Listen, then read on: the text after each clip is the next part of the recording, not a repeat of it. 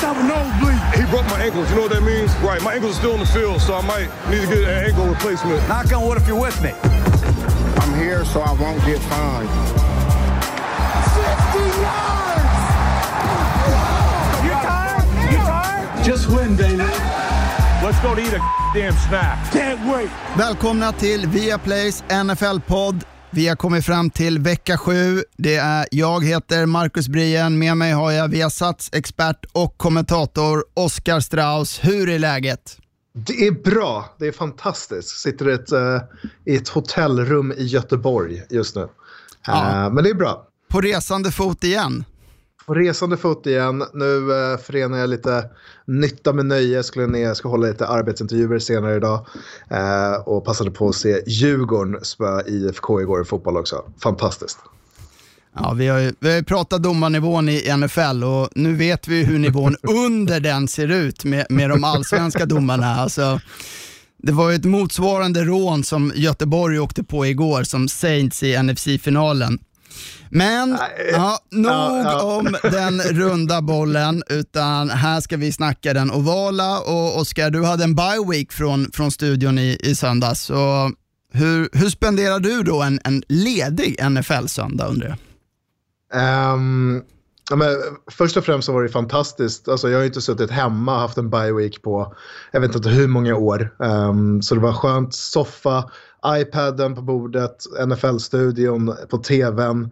Eh, så kör man Redzone på, på iPaden och, och, och, och så studion på tvn så, som sagt. Det eh, ligger där zappar mellan matcher, kollar mycket statistik, fram med fantasy, nu är med i tre ligor.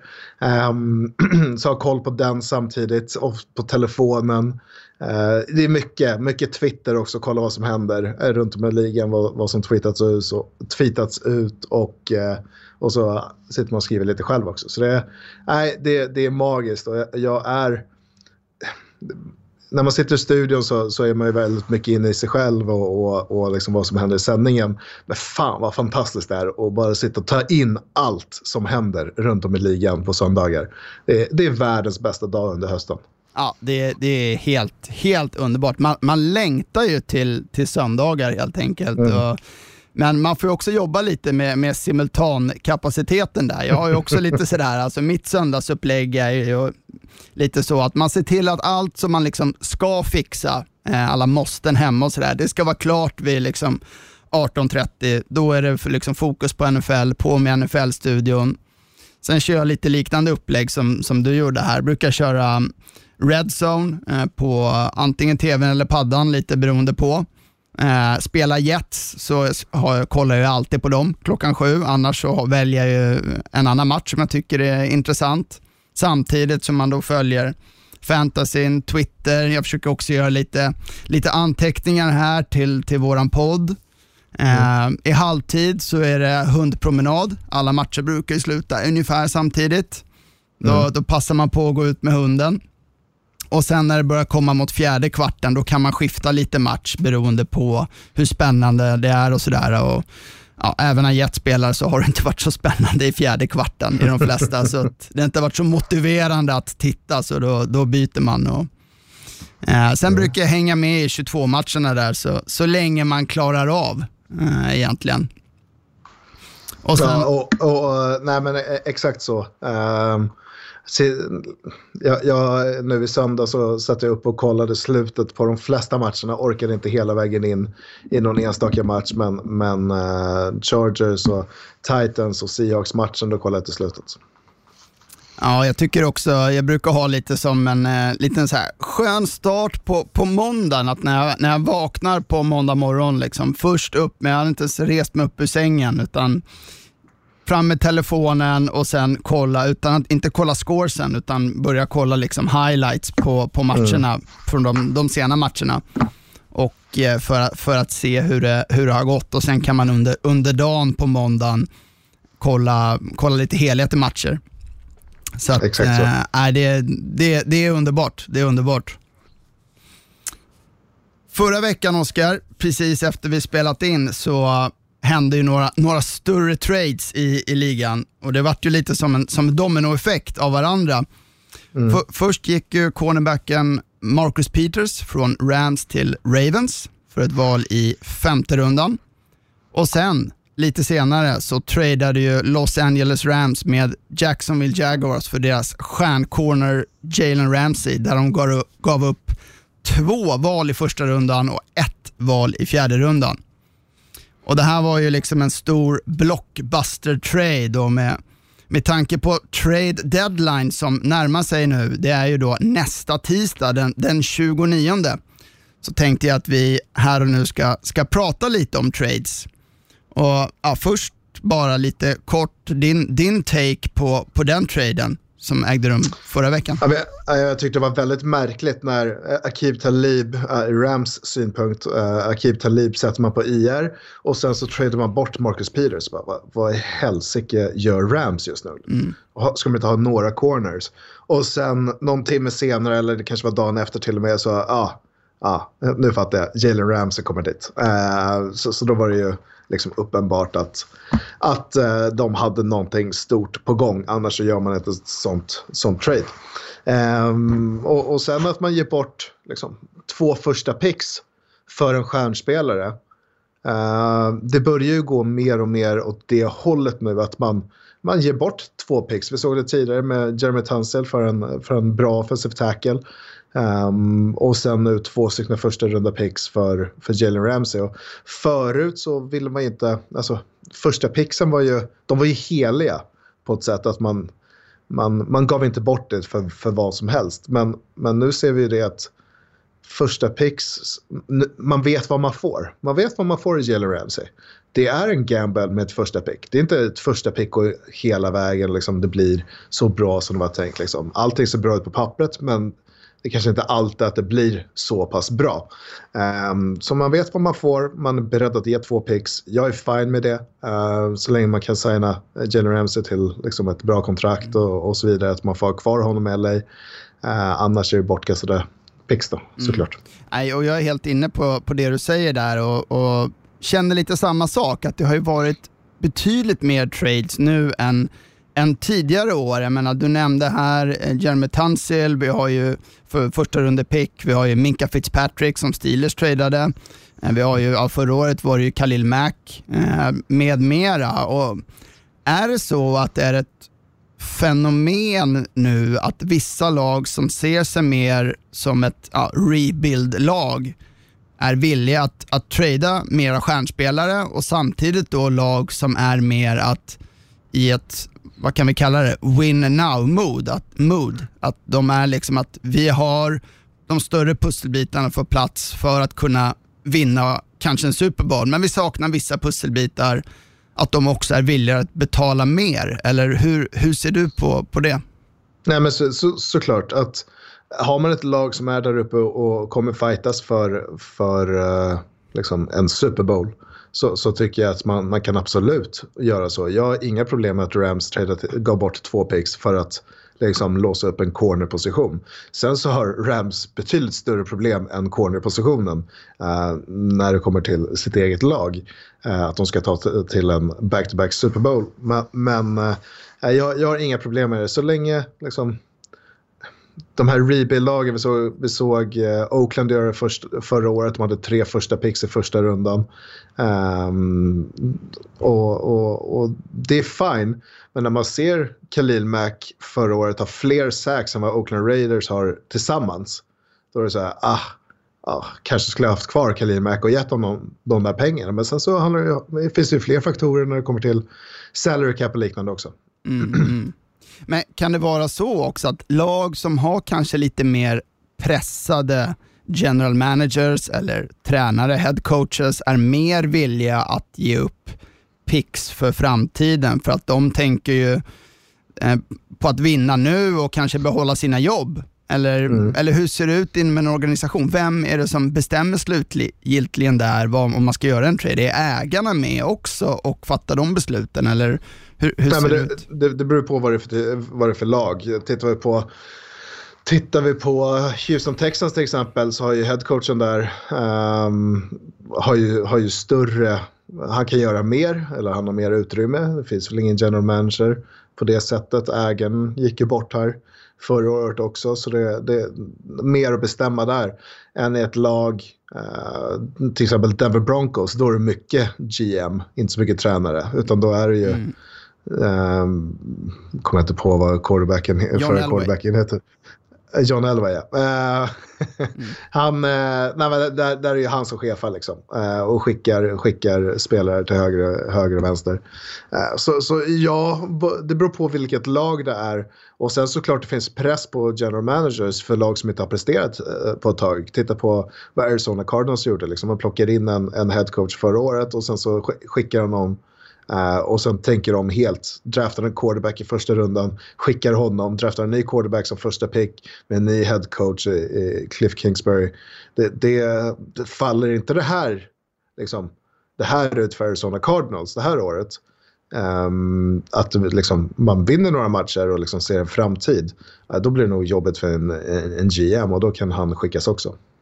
Mm, en sak som jag, jag tycker är svårt här just när det gäller trades är ju lite hur man hur man ser olika på att kunna värdera just draft picks. Jag tycker mm.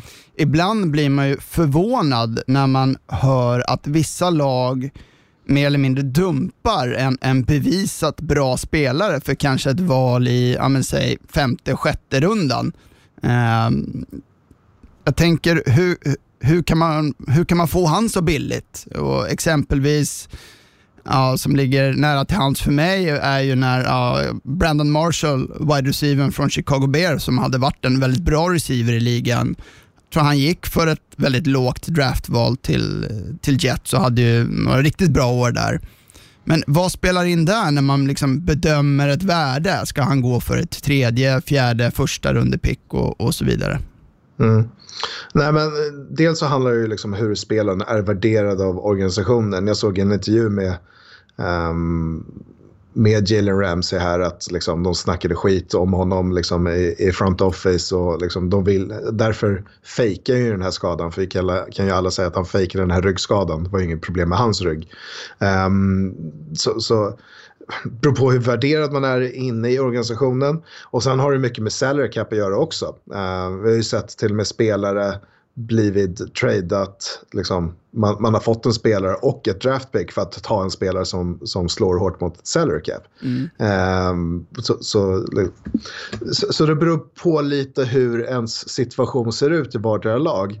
Sen så har vi, liksom, ja, men om vi tar Brandon Marshall till exempel, ja men visst det var lite pengar som var, han blev ju tradad från Broncos först till mm. Just um, Chicago, Chicago um, och, och, fick ett större kontrakt och sen så, ja men det här kommer inte spela ut bra ja, men då kan skicka hem till Jets. De kan ta slutet av, salary, eh, liksom, av det han ska tjäna och eh, vi får ett okej okay draftpick.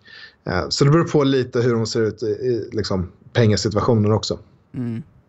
Sen tänker jag också att det är, ligger ju lite i tiden det här med att ha kort tålamod. Det ser vi ju i, ja, i NFL nu, hur, hur lag, spelare bedöms från vecka till vecka. Ena veckan kan man vara hyllad och andra veckan toksågad, då är man sämst i världen. Och det är lite den här tålamodsbiten är kortare och du var inne på det själv. Är det att just med rookies som kommer in som man draftar, det, det, krävs ju en viss tid att utveckla en sån spelare. Det, det är ju mm. inte ofta man ser en första året en, en rookie komma in och verkligen göra skillnad. Det händer ju givetvis, men det är vanligare att det dröjer några år också beroende på vilken position man har. Men är det kanske därför också man är, med, man är nu mer benägen att ge upp picks? Alltså som du sa, för en färdig spelare som Jalen Ramsey som faktiskt bevisat sig i ligan är en stjärnspelare.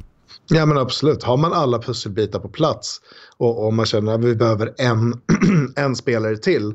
Eh, så här, men vad ska det här draftpick, första picket i 20, 2021 göra? Liksom, hjälpa oss nu under de närmsta två åren. Jalen Ramsey kan komma in och på, påverka direkt. Det kommer inte ett 2021-pick göra. Och sen så eh, Rams liksom får, får ju också se vart Rams kommer placera sig i, i, i ligan. Kommer de vara i liksom topp 8? Ja, det kommer de förmodligen vara.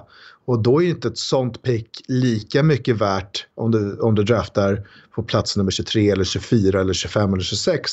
Lika mycket värt som ett liksom, första pick eller liksom, pick nummer 2, 3, 4. Ett topp 5 pick. Um, så Jalen Ramsey, jag tror han blev draftad jag tror det var pick 5 när han kom ut från, från, uh, från college.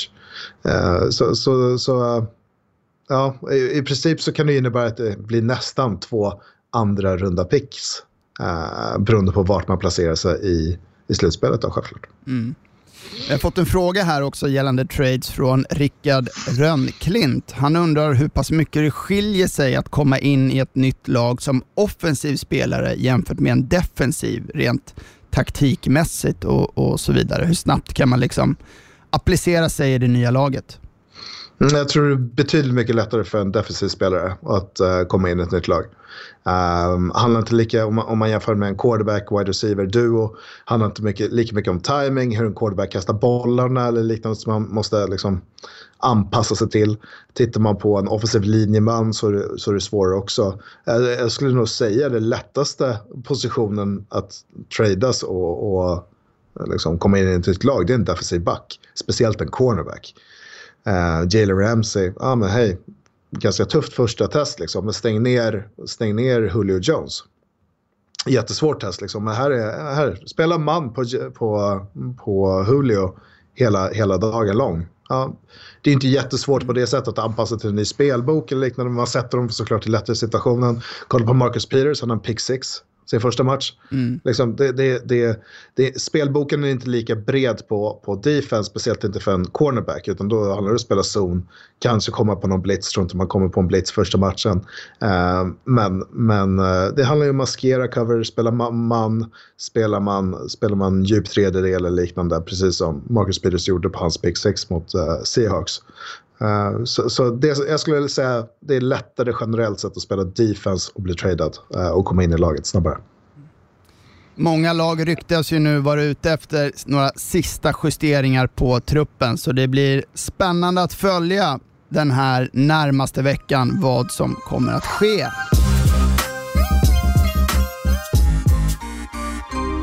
Vecka 7 inleddes på Thursday Night Football i matchen mellan Kansas City Chiefs och Denver Broncos. Bägge lagen kom in här med lite två olika trender där Chiefs hade förlorat två raka och Denver hade ju vunnit två raka matcher. Men det var ju inget som syntes i matchen då man hade trott att det var, det var precis tvärtom om man bara såg på matchen. Förutom Denvers inledande touchdown på första driven så såg man ju helt tafatta ut. Chiefs kunde vinna med 36 till slut, men det stora från matchen var ju såklart att ligans regerande MVP och kanske starkast lysande stjärna i Patrick Mahomes tidigt gick ut i matchen med en skada. Han fick då ersättas med Matt Moore som ändå spelade stabilt, måste man säga. Och det var ju så, när, när Mahomes gick ner så satt ju jag i alla fall, och jag tror många med mig, hemma vid tvn och bara tänkte nej. Han låg där liksom helt stilla. Men det var ju skönt när han kunde resa sig upp och gå av planen i alla fall. Och nu pratas det om att han kommer missa 3-5 veckor och frågan är hur på, kommer det här att påverka Kansas City? Ja, men såklart det påverkar. Det är ligans bästa quarterback som blir skadad. I, i hans patell eller knäskålen uh, var ju led. Vi såg på bilder att uh, hans knäskål blev satt i plats igen. Mm. Uh, vidriga bilder, men, men, men så är det. Och det var det absolut bästa tänkbara scenario efter, efter den här skadan. För det ser väldigt, väldigt illa ut. Men, men ehm, det ser ut att bara bli tre veckor. Man kommer ha någon slags brace på, på knät eh, som, som skyddar för eh, extrem, eller andra smällar. Men han kommer bli lite limited, eh, blir han ju självklart. Eh, när han väl kommer tillbaka till att springa och förlänga spel, precis som man gör normalt sett. Eh, det, det, det, kommer, det är inte något lätt schema man har här framgent. Om man tittar nästkommande eh, tre veckor så är det Green Bay, Minnesota och Tennessee Titans. Eh, mm. Inte jättelätt. Så, så um, nej, det kunde inte komma en sämre tidpunkt på, på schemat. men eh, skönt att höra att han kommer kunna komma tillbaks. Vad tror vi om Matt Moore då? Kan man, jag menar som du sa, ganska, man är ju två matcher nu uppe i divisionen mot Oakland och ganska tufft schema framåt som du, som du sa. Med mm. Packers, Vikings, eh, Titans och Chargers. Jag menar, kan man gå 2-2 där så måste man väl ändå säga att det är bra, eller? Ja, absolut. Det, det ska man vara nöjd med. Uh, Matt Moore kanske, jag ska inte säga att han är den bästa backup quarterbacken för det är Teddy Bridgewater. Uh, har vi ju sett här de sista fem veckorna. Men Matt Moore är väl är i toppen skulle jag säga generellt. Uh, spenderat de sista fem åren i Miami. Han fick komma in, han var med i slutspelet. Uh, har gjort godkända matcher. Uh, tycker jag. Um, var i Carolina tidigare än så. Men han, han har ju varit i ligan sedan 2007 så det är, det är en quarterback som kan spela. Och får man till ett bra running game uh, så, så tror man kan vinna matcher också. Det är ganska tufft defense man möter här i Denver Broncos och lyckas ändå knipa den här vinsten. Så det är mycket hjälp av sitt defense självklart då, men, men uh, kan man kan man hantera bollen och inte ha några kostbara turnovers då kan man absolut vinna några, av de här matcherna nästkommande fyra veckor. Andy Reid är ju också en sån coach som kan trolla till det. Det har vi sett förr. Eh, men om vi, om vi vänder på det och tittar på, på Broncos då, alltså deras offensiva linje i den här matchen var ju bedrövlig. Och Joe Flacco såg ut som en, ja, som en död fisk nästan. Det var liksom Ingen energi, inget liv. Han sprattlade till lite där i början, första driven, men jag fick såna här gamla Jay Cutler-vibbar när jag såg Joe Flacco spela quarterback. Liksom. Kom ihåg Jay Cutler när han satt och cyklade på sidlinjen och liksom såg ut som couldn't care less. Uh, han brydde sig inte. Och, ja, vi pratade om John Elway, general managern där i, i Denver och igen måste man väl ha, säga att han har misslyckats med att hitta en, en quarterback i Denver. Ja, men det är märkligt, man hade ju Case Keenum förra året och det följer, alltså, efter Case Keenums säsong i, i Minnesota så tror man inte det skulle bli någonting bra utav det. Uh, blev inte bra utan skickade honom, nu finns han i, i Redskins. Plockar in Joe Flacco, uh, liksom hjälper är ett sånt trade. Man, man hjälper ju Baltimore Ravens med att, ta, ta de här pengarna, den här kosten då som de tar bort från, från Ravens salary cap. Tar Flacco eh, och hoppas, man vet vad man kommer få av Flacco. Man kommer få liksom ett stabilt, stabilt spel oftast. Ingenting som, det, det är inga fyrverkerier när Joe Flacco spelar. Eh, det har inte varit sedan han kom från University of Delaware, Blue Hens. Um, det, det bortsett från den Superbowlen då som man lyckades vinna och Ja, ja absolut. Den säsongen 20, 2013 mm. var, ju, var ju superbra. Uh, så, så, så, var det ju. Men, men uh, ja, men, men en, en säsong kan inte definiera ens, liksom, ens karriär på det här sättet. Och speciellt inte de här sista åren. För det har inte varit något har inte varit någon fantastisk Joe Flacco eller fantastisk quarterback vi har fått se. Uh, utan liksom, jag blir förvånad ifall man inte börjar liksom, titta på de högre draftpicksen och börjar plocka en quarterback i, i Broncos. För liksom, man har haft ett väldigt bra defense uh, och, och, nu börjar det fall, falla lite isär. Uh, springspelet fun fungerar inte heller men, men såklart den offensiva linjen i Denver Broncos gjorde inte sitt bästa för att hjälpa Joe Flacco heller. De hade nio sacks mot sig. Nio sacks. Ehm, um, wow det, det, det, blir tufft för vilken quarterback som helst att göra någonting utav, utav den här matchen. John Elway får göra en ordentlig hemläxa här till vårens draft för att se om han kan hitta en franchise quarterback till Denver.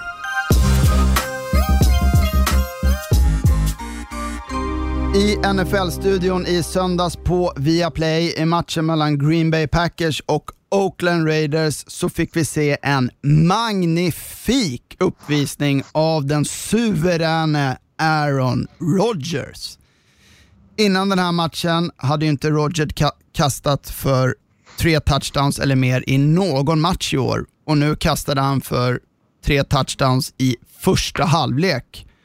Avslutade matchen med fem kastade touchdowns och en där han snyggt läste försvaret och enkelt sprang in med den i endzone och avslutade också med en perfect passer rating. Och när Rodgers ser sådär fokuserad och skarp ut så är ju han nästan ostoppbar och Oaklands försvar var ju chanslösa i, i den här matchen. Green Bay hade alltså fem touchdowns på deras sex första possessions.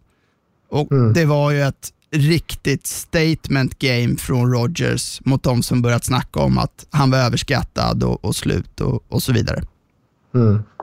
Nej, men så, så, så, var det och vi har blivit vana med att Green Bay Packers har en dålig start på sin säsong. Och sen så kommer Rodgers och säger någonting roligt och smart. Liksom, fem bokstäver, relax, eller vad det nu relax. är. Liksom. Um, och, och, och, nu har de en inledning, alltså de har startat 6 och 1. Och, och, det här kan ju ta dem liksom hur långt som helst självklart. Um, så så det, det, ser riktigt bra ut och, och det, det bästa är egentligen deras defense, hur de har steppat upp. Och även Rodgers, att de kastar fem, fem touchdowns. Och, och till vilka typer av wide receivers. Ja, ja. Uh, MVS, självklart bra. Jimmy Graham har ju haft sina bättre år ba, liksom, bakom sig. Ja, kan man de har varit. Uh, och sen har du Kumerov, liksom, en local kid i, i, i, Wisconsin som också är deras tredje bästa receiver idag. Uh, fångar in en touchdown. Så det, det, det, de lyckas ändå, Green Bay Packers. Sen visst, Oakland Raiders, ja, det får man säga vad man vill, de är ändå 3 och 3.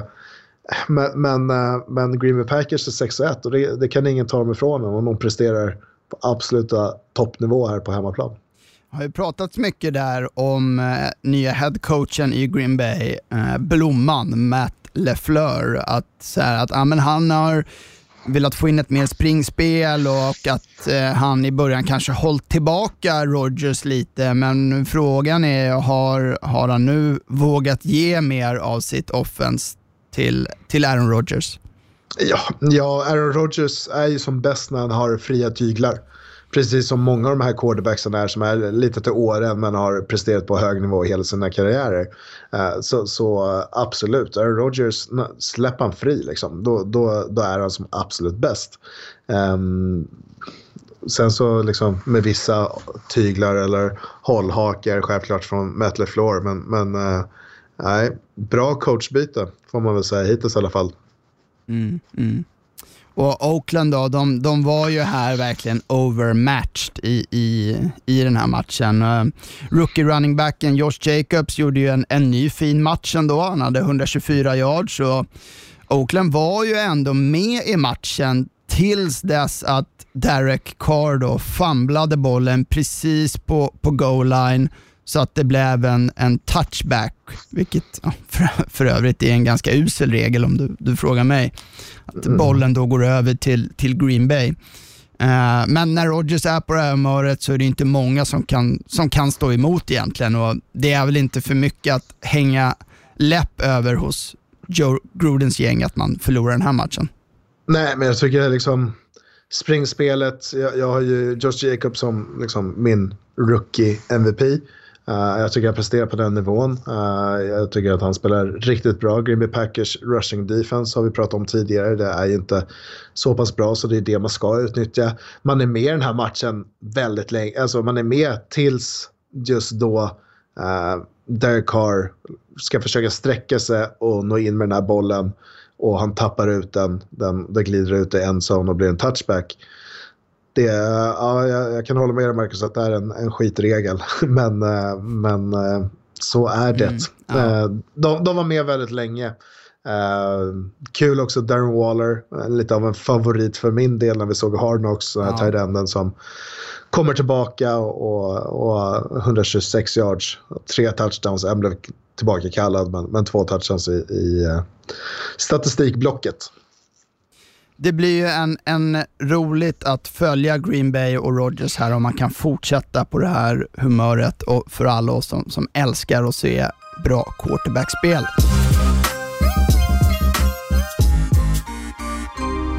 Mitt lag till Super Bowl från NFC, Minnesota Vikings, har ju kommit igång ordentligt. I söndags tog man ju tredje raka segern när man vann mot divisionsrivalen Detroit Lions med 42-30 och Vikings quarterback Kirk Cousins stod igen för en briljant insats i, i matchen och hela Vikings offense briljerade här och man hade över 500 yards av totalt offense och gjorde mer, mer eller mindre vad man ville. Och Detta trots att deras stjärnreceiver Adam Thielen blev skadad tidigt i matchen. Och Vikings de har ju nu ett riktigt balanserat anfall här med ett riktigt bra passspel och även ett starkt springspel i ett av ligans Eh, där en av ligans bästa running backs ska jag säga, Dalvin Cook, då är ju en, en frontfigur och när man kan utnyttja just springspelet som man har gjort här sista veckorna med mera play action så har man ju blivit superfarliga och spelat riktigt bra sista, sista veckorna. Mm. Ja, Kirk Cousins har ju liksom, från att han, det var det här gnället från Stefan Diggs och Adam Thielen gick ut i media och liksom, ja, men vi, vi, vi måste vara mer balanserade, vi måste passa bollen, kan inte bara springa. Så är han 10, han har kastat för 10 touchdowns och bara en interception. 13-3 på, på säsongen hittills, men, men eh, när man måste respektera springspelet som vilket lag som helst måste göra när man möter Minnesota Vikings så, så kommer det öppna upp sig passningsspelet också. Och Kirk Cousins har utnyttjat det bra. Uh, ett starkt springspel med Dalvin Cook som ja, ser ut som ligans bästa running back just nu. Mm. Um, Tillsammans liksom över, hund, över 100 yards igen. Um, vilket är fantastiskt. Um, Nej, det, det, det, ser onekligen bra ut. Uh, Delvin Cook leder ligan på 725 yards totalt den här säsongen åtta touchdowns. Det är, det är stort. Mm. Och också där, om man tar lite siffror just på, på kassen som, som du säger var ju väldigt, väldigt kritiserad här för bara några veckor sedan och också ett bevis på hur, hur snabbt det svänger i NFL. Nu leder han alltså NFL i yards per play med 9,1. Han leder NFL i passer rating på 114,3. Han är femma i antalet touchdowns på 13 och fyra i lyckade passningar, alltså complete eh, percentage med 69,8. Mm. Mm. Så att eh, det, går ju, det, går ju, det går ju snabbt i, i NFL och här är också ett bevis på hur lag, hur lag kan ändra skepnad under, under säsongen när, när delarna börjar sitta mer och mer. Ser vi till Detroit då så har de ju de har det kämpigt alltså. De, de har det kämpigt. De har ju varit mm. en liten sån här, ja vad ska man säga, liten, man har blivit lite småkär i, i Detroit av det man har sett. Men nu är det tredje raka förlusten. Eh, Matt Stafford i den här matchen spelade riktigt bra och receiven Marvin Jones hade ju en, en ja, career day. Han hade fångade fyra touchdowns. 93 yards bara, vilket är helt, helt högt om man kan ha fyra ja. som bara 93 yards. Ja. Men, men äh, Detroit Lions, jag tycker de ju spelar bra. Jag, jag, jag, tycker verkligen det. Sen att defense inte kan hålla emot Minnesota Vikings, visst. Men, men uh, Detroit Lions, liksom, springspelet har varit som det har varit. De har flera olika runnerbacks som kan springa med bollen. Men det kommer inte upp i, i ens 100 yards idag. Matt, Matt Stafford kastar för 364, 4 TDs och interception. Det, det, är en bra match liksom. Eller det, du, kan, du ska inte förvänta dig mer av Matthew Stafford. Sen så att de här små du sätter upp 30 pinnar på tavlan, ja då kanske man ska vinna matcher, men inte när man släpper upp 42.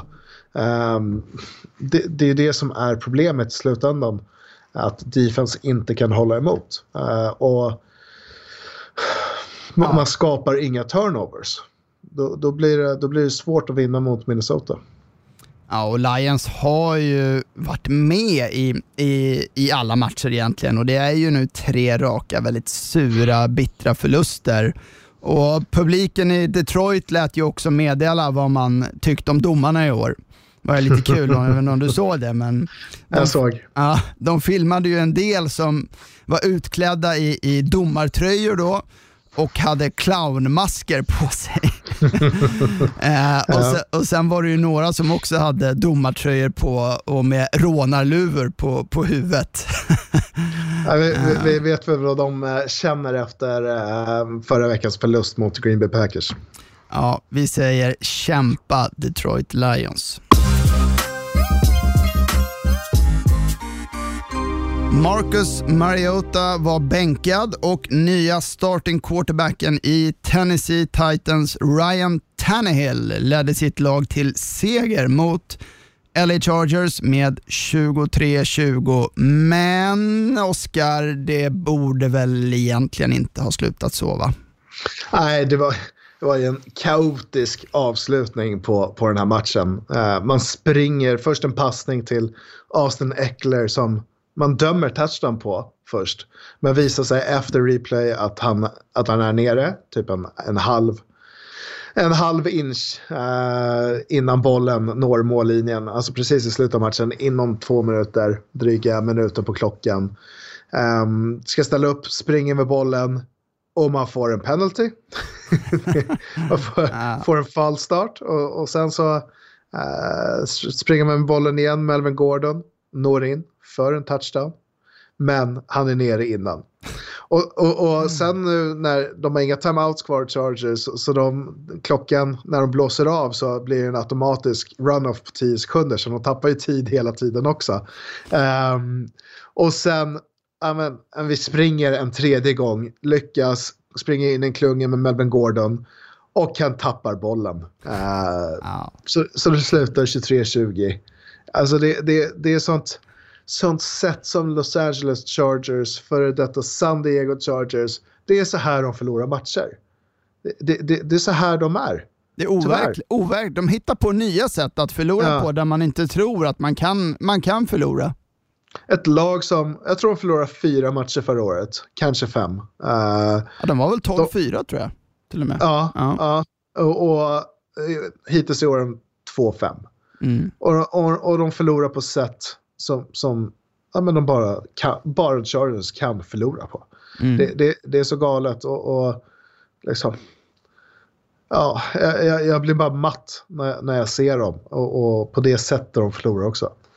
Huvudpersonen här som du nämnde var ju running backen Melvin Gordon och sen han kom tillbaka då för tre matcher sen så har ju 27 av hans 36 carries gått för tre yards eller mindre med två fumbles. Mm. Och totalt då på alla hans spel, även carries och mottagningar, så har han ett snitt på 2,3 yards när han får bollen. Och laget är, och laget är 0-3.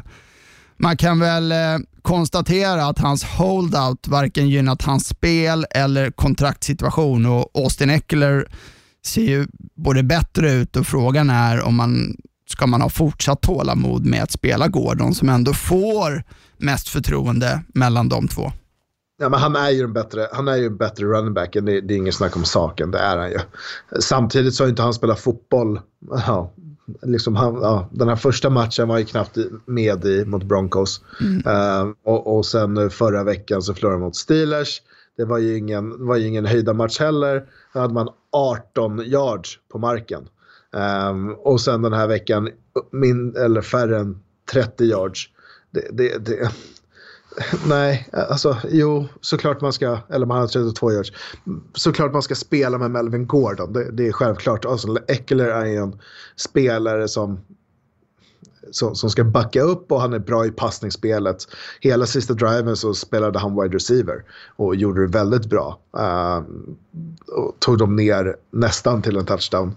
Uh, så, så jo, man ska fortsätta spela med Melvin Gordon men man har större problem än så. Speciellt dels på defense men, men även att liksom, när man väl är inne i de här matcherna som man har en chans att vinna så, så chokar man igen vi pratade om vinnarkultur tidigare. Var, vart finns den liksom?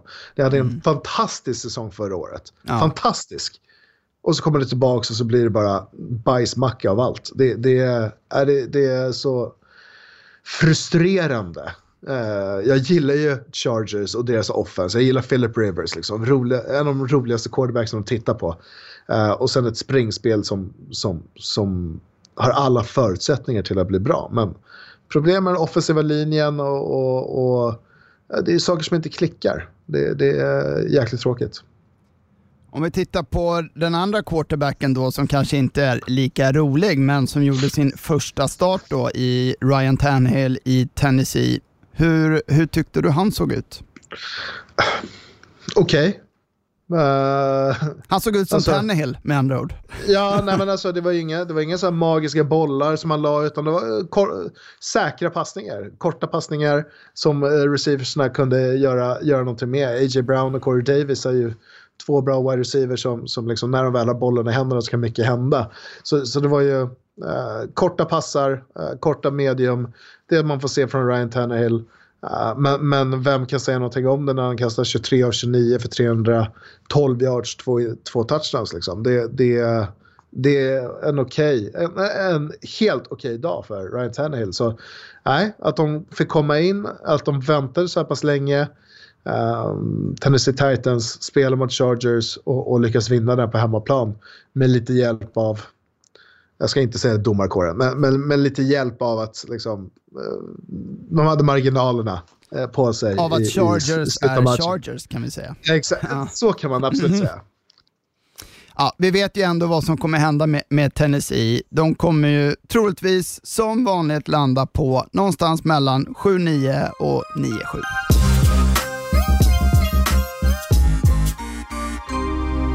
Sunday Night Football. Matchen mellan de två just nu bästa lagen i NFC Dallas Cowboys och Philadelphia Eagles var ju nästan över innan den ens hade börjat. Då Dallas Defense fixade två turnovers på Eagles två första possessions och tog hand om dem på ett bra sätt med två stycken touchdowns. Och Eagles släppte igen till otroligt mycket poäng i första halvlek. Den här gången 27 poäng och man mäktade bara med 7 framåt i första halvlek och det här blev ju en viktig seger för den pressade coachen Jason Garrett i Dallas som såg helt annorlunda ut nu än det vi såg förra veckan mot New York Jets. Det såg ju mörkt ut i, i den här veckan när man sa att liksom, stjärnspelare skulle vara borta på grund av skador.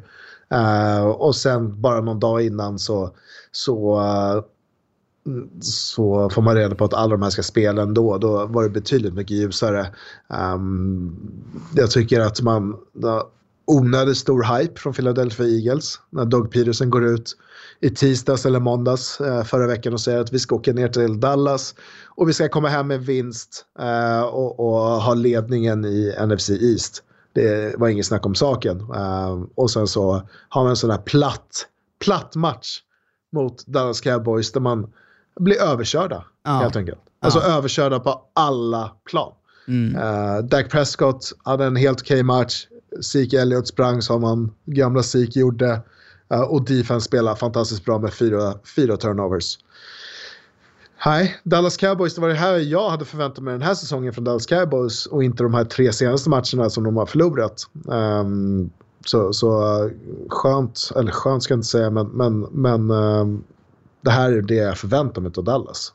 Ja, vi, måste, ju- vi måste prata lite mer Eagles känner jag här också, som är kanske tillsammans med, med Falcons sett till förväntningarna några av de största besvikelserna i ligan. Och deras secondary, alltså passförsvar, eh, är ju riktigt dåligt och man startar ju nästan alla matcher som man alltså sitter kvar i, i bussen eller på flygplanet.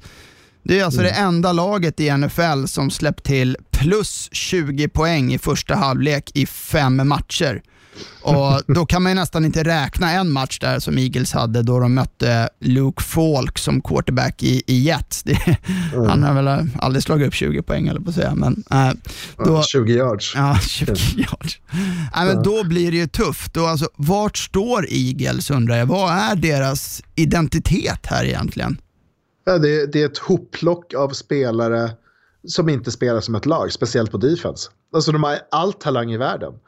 Carson Wentz liksom, är en bra quarterback, liksom, har en bra running i Jordan Howard, har många bra running som vi har sett liksom, genom åren och kan spela med flera olika typer av running backs och fortfarande vinna matcher. Bra wide receivers, bra tight ends, men, men spelar inte som ett lag. Man spelar inte som ett lag.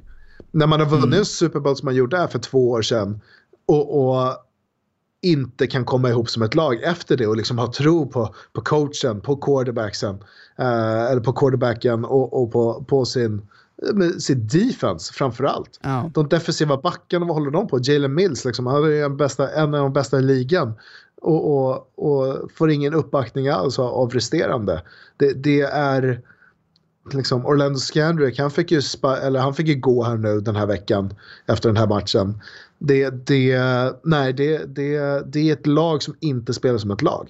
Det måste vara någonting i omklädningsrummet. Det har ju varit snack om att, det kom ut lite rapporter här att Alson Jeffrey hade läckt att Carson Wentz liksom, var mycket internt mot just Carson Wentz. Eh, och det var en anonym läcka som visade sig vara Alson Jeffrey. Jag har inte kollat exakt vad sa, liksom, sanningsgraden är i hela det där, men, men det, det är vad rapporterna säger. Och, Det är ju, det, det, det är en spricka i, Philadelphia Eagles, helt klart. det är oroväckande nyheter och jag vill liksom också prata lite Wentz där. Man har ju sagt att Wentz är riktigt bra och en franchise quarterback, men det känns nu som att det var ganska länge sedan han bar verkligen laget här, likt man har sett Russell Wilson göra i, i Seattle. Och, ja, Wentz. Nej, det, det, alltså, jag, jag tycker att de, liksom, när de åkte upp till Green Bay och vann där, då, då var det ju liksom, då spelade man ju fantastisk fotboll. Man kunde springa med bollen och, och då såg allting kanon ut. Carson Wentz, ja, det är lite Russell Wilson över honom. Liksom, det är lite magi, kommer ur knepiga situationer och sen kan jag kasta bort bollen. Uh, men uh, liksom, det funkar inte vecka efter vecka efter vecka. Du måste ha någon slags bas och sen ska man krydda till det med lite av det här som Carson Wentz kan göra, förlänga spelen. Men, men den här grundtanken på fotboll, när man släpper upp så pass många poäng vecka efter vecka, det, det, det är inte bra för ett sånt här, liksom, ska vara ett starkt lag. Nej. Det, det är liksom förlora mot Detroit Lions, det, det Nej, jag vet inte vad jag ska säga. Liksom, deras starkaste vinst var just mot New York Jets. Liksom, Falcons har vunnit en match i år och det var mot Eagles. Du, för, du har platt matcher mot de här typerna av la lagen. Och det är inte det Eagles vi har varit vana att se de sista åren. Nej, och just det här att de, de sätter sig själva i den situationen. Jag menar, som jag sa, släpper upp 20 poäng i första halvlek i fem matcher. Mm. Det är klart, då blir det ju svårt också om du får spela med, med det underläget hela tiden. Ja, ja. ja och sen tar man inte hand om bollen. Fyra turnovers i den här matchen också. Det är liksom, det, det, du vinner inga matcher om du ska fyra turnovers per match. Nej. Det går inte. Skönt i alla fall då för Jason Garrett som kan nu kan gå på bye week och förmodligen sova lite bättre om, om natten. Några snabba korta då om övriga matcher. Los Angeles Rams fick en tacksam motståndare att studsa tillbaka mot efter deras tre tidigare förluster när man enkelt pulveriserade det hopplösa Atlanta Falcons. Inte blev det bättre för Falcons med att runningbacken Devonta Freeman tidigt blev utvisad i matchen och att lagets bästa spelare, quarterbacken Matt Ryan, gick av skadad i slutet när man förlorade med 37-10. Ryan Fitzmagics Miami Dolphins var i ledningen när den fjärde kvarten skulle starta, men då vaknade Josh Allen och Buffalo Bills till. Med tre touchdowns i fjärde kvarten så vann Bills matchen med 31-21 och Miami, som försökte med det mesta i matchen, får vänta på sin första seger. Laget som likt Dolphins är segerlösa och kämpar om första picket i vårens draft heter Cincinnati Bengals. I söndags förlorade man igen, denna gång mot Gardner Minshews Jacksonville Jaguars med 27-17. Jacoby Brissett stod för hans karriärs kanske bästa insats då han kastade för fyra touchdowns och 326 yards i den viktiga segern för sitt Colts mot Houston Texans där man vann med 30-23. Colts försvar imponerade stort igen och med segern gick man upp i ledningen i AFC South. Bästa running backen på planen på MetLife Stadium i New York i matchen mellan hemmalaget New York Giants och Arizona Cardinals var inte David Johnson eller Saquon Barkley, utan precis som ni alla trott Chase Edmonds. Edmonds sprang för 126 yards och tre touchdowns och ordnade segern för sitt Cardinals med 27-21. Med Edmund springande behövde inte Kalle Murray förta sig och han kastade för endast 104 yards. Hans motsvarighet i Giants, quarterback da quarterbacken Daniel Jones, har kommit ner lite på jorden efter hans flygande inledning i ligan. Han slutade dagen med tre fumbles och en interception och står nu efter fem starter på totalt sju picks och fem fumbles. Ja, Daniel Jones. Årets första Weather Game spelades i Washington mellan hemmalaget och gästande San Francisco 49ers. Regnet öste ner och planen var som en lerpool. På det hopplösa underlaget så kändes det ett tag att, ja, lite som när man var liten och spelade första målet vinner. Innan till slut 49ers i tredje kvarten fick till tre poäng via ett field goal och ytterligare två sparkar i fjärde kvarten gav segern med 9-0 och 49ers är fortsatt obesegrade i år. New Orleans Saints fortsätter att imponera stort. Trots att laget saknade stjärn-runningbacken Alvin Kamara och tight-enden Jared Cook på grund av skada så var man överlägsna i matchen mot Chicago Bears. Där, där man vann då med 36-25. Saints defense visade också att man just nu är bättre än det så håsade Bears försvar och headcoachen i Saints, Sean Payton, seglar tidigt fram som den som leder racet i coach of the year. Russell Wilson kastade i söndags i matchen mot Baltimore årets första interception som också leddes till en touchdown av nyligen tradade cornerbacken i Baltimore, Marcus Peters. Wilson hade årets sämsta dag på jobbet och när Wilsons magi inte fungerar så var det tufft för Seattle. Ravens quarterback Lamar Jackson lyckades bara med nio passningar för 143 yards, men vad gör det när han kompenserade med 116 yards längs marken när hans Ravens tog en stark seger med 30-16. Sam Darnold såg spöken Jets o-line betedde sig som osynliga spöken och Patriots defense briljerade igen på Monday Night Football när Patriots vann med 33-0. Nog om den matchen. Oscar, vad säger du om övriga matcher? ska, ska inte prata mer om. Jets-matchen tycker nej, jag. Nej, nej. nej, men jag, jag, kan gå till Baltimore och, och Seattle. Uh, Baltimore, en riktigt stark vinst uh, på bortaplan. Två styckna scores på defense. Uh, man hade ju undrat vart deras defense har varit. Liksom, det är inte samma defense längre utan det är ett offensivt lag. Och här fick vi se liksom, mer här traden med Marcus Peters. Eh, uh, 67 yards uh, pick 6 och, och sen även en fumble-retur för en touchdown också. Men det är inte det som imponerar mig mest utan om man har en ledning som man hade och i slutet av matchen kan gå ner och ta en drive hela vägen um, på, på, ska vi se här, uh, nio minuter. Um, tror jag den tog, sista driven mm. där innan den här fumble-returnen. Uh, det, det, är riktigt starkt och Lamar Jackson spelar otroligt bra. Uh, liksom, det, det, är en annan nivå när han plockar ner och springer själv med bollen. Oh. Han liksom seglar förbi linebackers. Det, det, ser så effortless ut och, och, det ser riktigt, riktigt bra ut när han får de, liksom, när han får de öppningarna. Sen så liksom, ska man vinna mot Baltimore Ravens och Lamar Jackson, men då måste man ju stänga, stänga ner honom i just liksom, hålla honom en quarterback spy eller liksom, hålla honom inne i fickan. Det är då man har chans att vinna eh, mot honom. Han ska inte kunna få, han ska inte få sådana här matcher, så det blir lite hemläxa för, för Seahawks. eh, och Russell Wilson ja, den där picken skulle väl komma någon gång. Ja, ja. Och nu kom den eh, på ett stort sätt då, eh, för, för, en, för en touchdown också. Så det, nej, men eh, jag, kan, jag kan ta att man förlorar mot Baltimore Ravens. Men Baltimore Ravens 5-2, Seattle Seahawks 5-2. Det blir två roliga lag att följa och båda de här lagen kommer ju finnas med i ett slutspelsrace också. Någon kommentar där om Indianapolis Colts då, Oskar? Eh, st stark seger nu mot Houston som eh, har ju sett bra ut innan, men här var ju en riktigt statement game nästan för, för Colts. Ja, men det får man säga. Uh, liksom, det var väl inte många, så många som trodde på dem när, när Andrew Luck la skorna på hyllan. Um, och Jacoby Brissett ska ta över den här liksom, quarterback-rollen. Han har gjort det tidigare. Men när man möter Houston Texans som vann mot Kansas City förra veckan.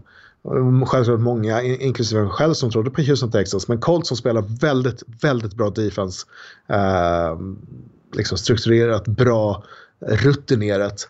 Eh, och sen kan liksom Jacoby Brissett. Man behöver inte ha ett starkt springspel som man hade mot Kansas City utan man kan också kasta bollen 326, 326 yards och, och för fyra touchdowns och vinna matchen på det sättet. Så det är eh, bra laginsats. Liksom. Väldigt bra liksom, helheten och Frank Reich visar att han är en, en toppcoach.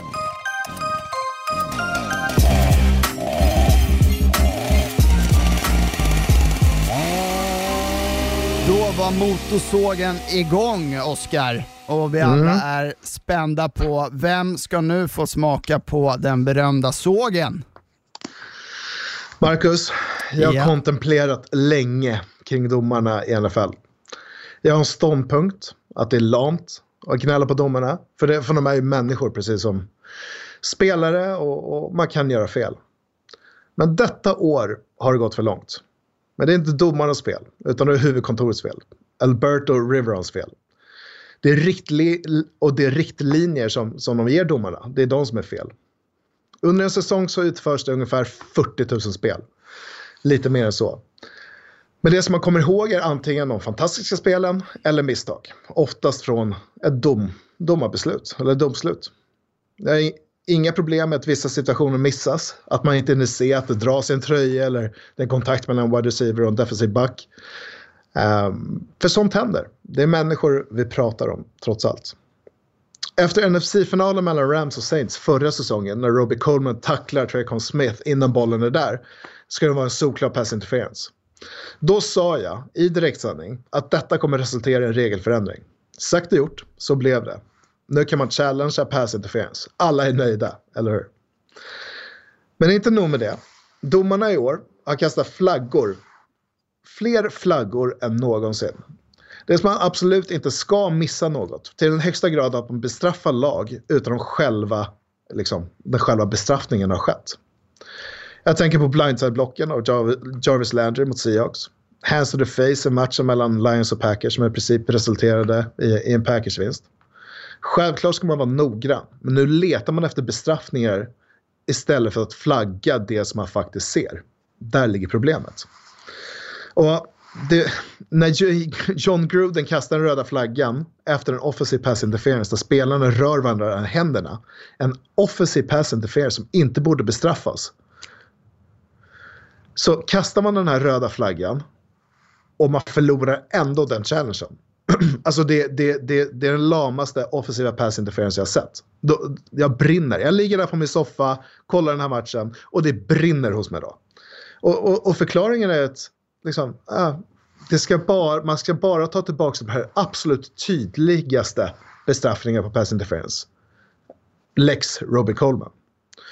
Liksom, under mina 20 år inom amerikansk fotboll och mina 7 år av kommentering av NFL har jag aldrig bevittnat så mycket gnäll och tjafs från spelare och tränare som i år. NFL försökte göra ligan en, en, en tjänst. Det blev dessvärre en björntjänst. Liksom, leta inte efter bestraffningar som inte finns. Efter sju veckor så har antalet flaggor per spelade spel ökat med 11 procent sedan 2018. 11 procent, det är rätt många. Rätt många flaggor. Alberto Riveron får tänka om och göra rätt för det här håller inte.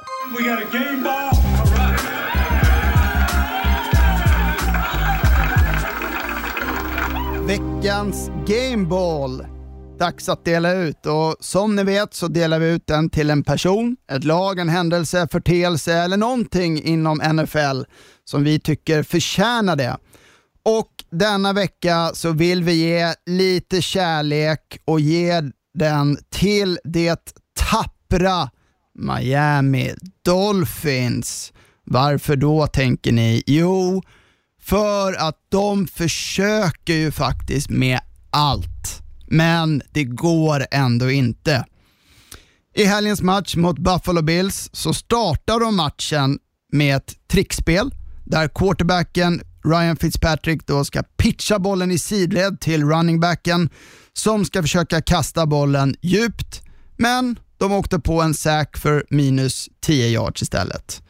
Här har de förberett sig en vecka med att designa det här spelet och tänker nu har vi någonting, men de startar med minus 10 yards. Senare i matchen så har de fjärde och tre djupt i red zone på fjärde yardlinjen och de kallar ett fake field goal. De ställer upp alltså i field goal formation men de springer istället med bollen och de lyckas lyckas konvertera, inte en touchdown, men de får en first down, så de får alltså first and goal på enjardslinjen. Wow!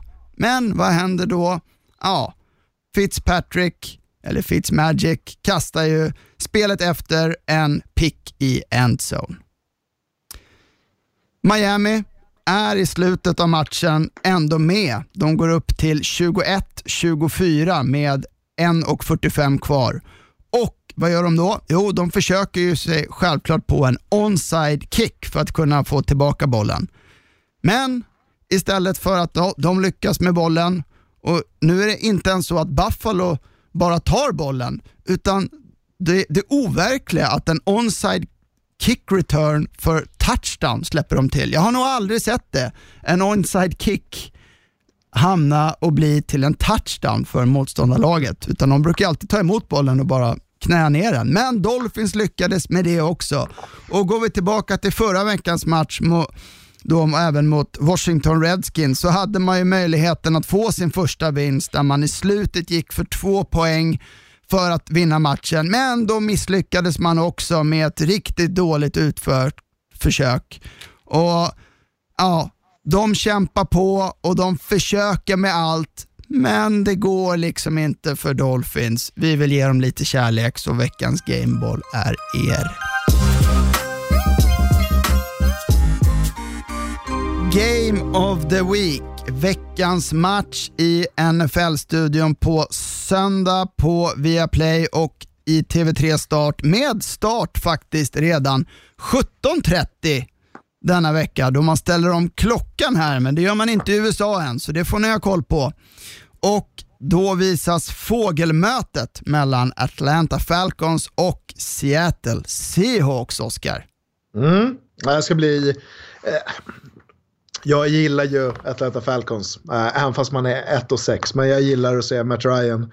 Eh, får se om vi får se honom för, efter den här skadan. Men um, att stå upp mot Seattle Seahawks som ska komma tillbaka och få lite revansch efter Uh, förra matchen som man förlorade mot Baltimore Ravens. Uh, åka till Atlanta uh, och, och, försöka knipa den här matchen, minna bli 6-2 Atlanta, ska få någon slags bounce back och liksom inte förlora den här säsongen helt. Ehm, och försöker ta sin andra, andra vinst för säsongen. Det kommer bli en spännande match. Russell Wilson kommer att fortsätta sitt MVP-race som han har påbörjat de här första sju veckorna. Återstår att se. Ja, och som jag sa i, när vi gick igenom veckans matcher eh, när eh, Falcons mötte Rams så är det ju en, en, en tacksam motståndare att få i Atlanta Falcons om man liksom vill bouncea tillbaka. Då Falcons försvar har ju släppt till då i snitt 31,9 poäng per match. Ja, det, det gör ju inte matcher lättare att vinna när man släpper upp 32 pinnar. Äh, det, det, det är såklart. Och man har stora problem på defense. Det, så är det. Och vi får se hur länge Dan Quinn kommer vara, som, vara kvar som head coach för det här laget. Någon slags förändring behövs. Uh, samtidigt så är liksom, Matt Ryan en av de roligaste quarterbacksen att titta på. Jag har honom som en hög favorit vecka ut och vecka in, även fast man förlorar de här matcherna. Är du tillbaka i, i studion? Jag kommer kommentera uh, tillsammans med Carl-Johan Björk, men jag kommer sitta på en expertstol uh, då istället. Uh, istället för att vara huvudkommentator likt de tidigare matcherna. Så det, jag och CJ kommenterar. Det ser vi fram emot. So, you know, for now we're gonna have to cut you. Cut you. Cut you. Cut you. Cut, cut you. Då var det dags för oss att katta ett lag eh, som vi då säger inte kommer gå till slutspel i år. Varje vecka så tar vi bort minst ett lag och vi har ju tidigare plockat bort Dolphins, Giants, Redskins, Broncos, Bengals, Jets och Falcons. Och den här veckan plockar vi bort vilka då, Oskar? Arizona Cardinals. Det, det... Gör, det gör vi. Trots tre raka segrar så gör vi det. Ja, ja men tyvärr. Vi, vi, alltså det, det blir ju bara svårare och svårare nu. Mm. Jag vet mm. inte om vi var medvetna om när vi skulle lägga in det här segmentet att det kommer bli jäkligt svårt mot slutet. Ja, det ska vara en utmaning. Uh, ett lag som är 3-3-1. Uh, eh, en tuff division uh, med Rams och Seahawks i den och även 49ers. Ja. så så det, det, jag tror det blir tufft för för, för dem att gå till slutspel. Det kommer det garanterat bli, så vi säger hej då till Arizona Cardinals.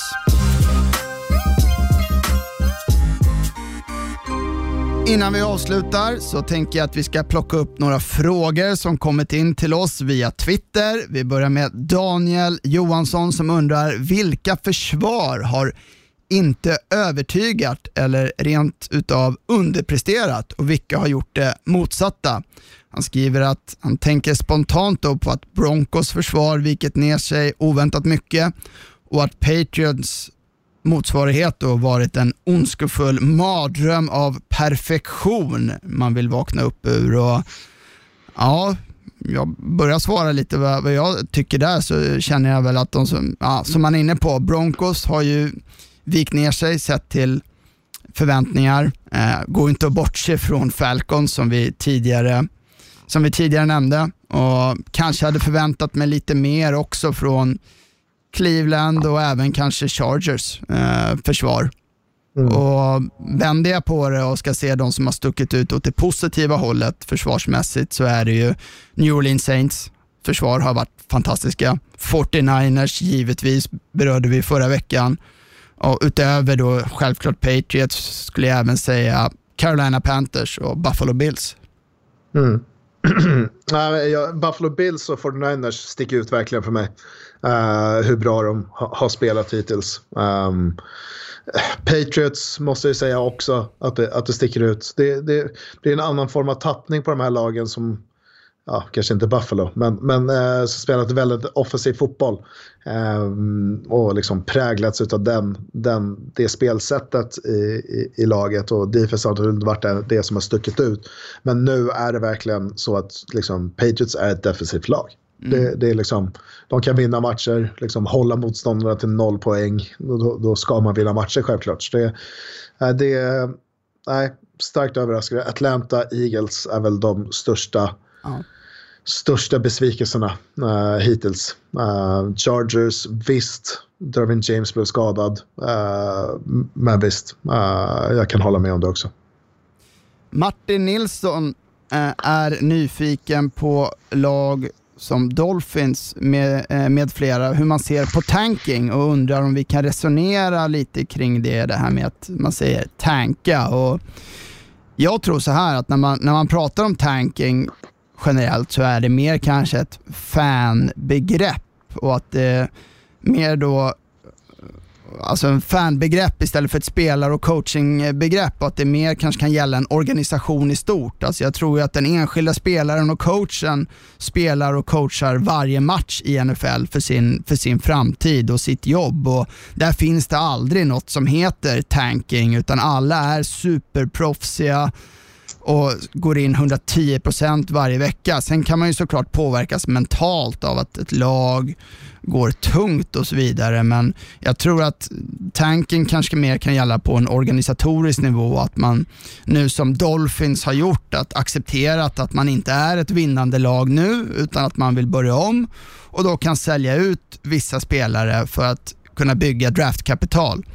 Men för den delen så vill man ju ändå alltid vinna varje match här och nu. Egentligen. Ja, men såklart. Spelar, alltså om man tittar på en, en snittkarriär i NFL så är det på liksom tre år. Och, och som en spelare så att lägga 30, 33 procent av det, den snittkarriären på att förlora och bara lägga sig är ju helt absurt. Det, det kommer man aldrig vilja göra som, som spelare. Eh, inte som coach heller. Såklart man inte vill, vill förlora matcher. Man vill självklart vinna matcher och vill att det ska gå bra. Enda sätt, liksom, det är från en ägarbild kanske, eller en GM som kanske har några fler år på sig till att bygga det här laget. Där tackar man nog tar emot de här draftpicksen och, och se fram emot om två, tre år. Då kan man, man kanske har ett bättre lag. Men som spelare och tränare, nej absolut inte. Mm. Johan Emanuelsson undrar hur högt vi rankar Matt Ryan. Känns som att han aldrig får den beröm han förtjänar. Ja, ja inte från mig. Jag tycker nej. Matt Ryan är en av de bästa quarterbacksen i ligan. Uh, liksom, trots att de är 1 och 6 uh, eh, så ligger han uh, näst högst upp efter Patrick Mahomes i antal kastade yards. Uh, han har 15 touchdowns, vilket han leder på tillsammans med Patrick Mahomes också. Alltså, vad mer kan du begära av den här quarterbacken när du har ett defense som inte ger några turnovers, släpper till massa poäng. Det, det, du, du har nästan 71 procent i completion rating. Han ligger bakom Derek Carr. Um, som bara kastar de här kort mediumpassarna. Um, ehm, Matt Ryan är topp tre quarterback för mig i ligan och har varit under de sista, sista fyra, fem åren. Han, han, är en av de absolut bästa quarterbacksen i ligan. Sen har han ju bra receivers också, det, det ska man inte sticka under stol med. Men, men äh, möta tuffa defense och veta att Matt Ryan kommer kasta bollen 30-40 gånger per match och, och ändå lyckas med det um, är, är starkt. Jag, jag, jag älskar Matt Ryan. Jag tycker han är en fantastisk quarterback. Så, så från mig kommer han aldrig få, han får alltid beröm från mig. Eh, uh, ja. Och med det sagt kanske det också säger än mer om hur övriga laget har, har presterat i, i Falcons och framförallt försvaret. Eh, Jesper Haglöf tyckte att Ryan Finley såg väldigt intressant ut under försäsongen. Är det dags för Cincinnati Bengals att prova honom och kunna ge fansen i Cincinnati kanske lite ny energi? Såklart man kan prova honom. Eh, jag tror inte det kommer hjälpa. Eh, tror jag absolut inte. Eh, tittar man på vad Cincinnati har åstadkommit bara senaste veckan så var det ju bedrövligt. När motståndarlagets quarterback har fler rushing yards än vad du har som lag tillsammans så, så kommer det inte hjälpa om du tar in Ryan Finley istället för Andy Dalton. Det, det kommer absolut inte hjälpa. Eh, uh, Andy Daltons offensiva linje är katastrof. Uh, och, och, så är det och då vill man inte sätta en ung quarterback bakom den. Uh, för att tro att du ska få någonting att hända. Det jag skulle göra det är hur man ser framåt. Uh, om Ryan Finley är det långsiktiga liksom, uh, valet på quarterback-positionen. Ja, men såklart han kanske ska få något, liksom, lite matchträning om det är han man ska gå med nästa år. Men för att sparka igång det här året så tror jag inte man kommer få någon större gnista av Ryan Finley istället för Andrew Dalton. Mm. Pontus Ostrell undrar vad vi tycker om Ravens än så länge. Har de Super Bowl-möjligheter? Och eh, jag tycker att eh, eh, Ravens är ju ett lag som är svåra att spela mot för alla och förbereda sig inför just med Lamar Jacksons hot i springspelet. Och tycker också man har sett att han har utvecklat sitt passningsspel och Tycker att de är lite tunna på wide receiver. Uh, haft lite småskador där. Kan de få igång Hollywood Brown som inledde säsongen väldigt bra. Uh, och putsa till försvaret så ser jag att, ja varför inte? Skulle Baltimore Ravens kunna spela en, en Super Bowl eller vad tror du?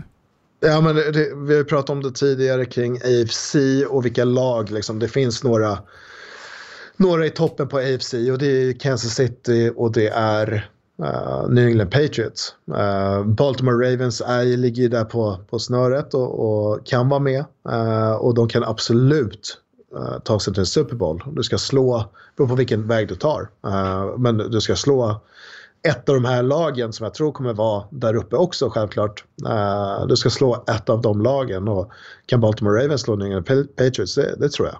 Det, det, tror jag faktiskt. Uh, jag hade hellre sett dem förra året eh, mot Patriots istället för Chargers. För jag tror att Baltimore Ravens hade gett dem en bättre match, eh, New England Patriots alltså, i, eh, i AV, AFC Divisionals. Eh, så det jag tror att man kan vara uppe och fightas. Jag vet inte om en Super Bowl. Det finns hopp, självklart gör det Men de är ett, av lagen som, ett av fyra lag som ska fightas för en AFC-final i alla fall. Då sa Oskar, that's it för denna vecka. Stort tack för att ni har lyssnat. Ni får gärna gå in och lägga en kommentar och ratea våran podd. Och vad får man mer göra, Oskar? Prenne Murera. Bra, snyggt, snyggt. Nej, eh, kom också gärna med frågor, feedback till oss via Twitter på vårt konto @viaplays_nflpodd. Over and out säger Marcus Brien och Oskar Strauss, ha det gott! ha det bra, tjena! They can't stop a nosebleed. He broke my ankles. You know what that means? Right. My ankles are still in the field, so I might need to get an ankle replacement. Knock on wood if you're with me. I'm here so I won't get fined. 50 yards! You tired? You tired? Just win, baby. Let's go to eat a damn snack. Can't wait. produceras av I Like Radio. I Like Radio.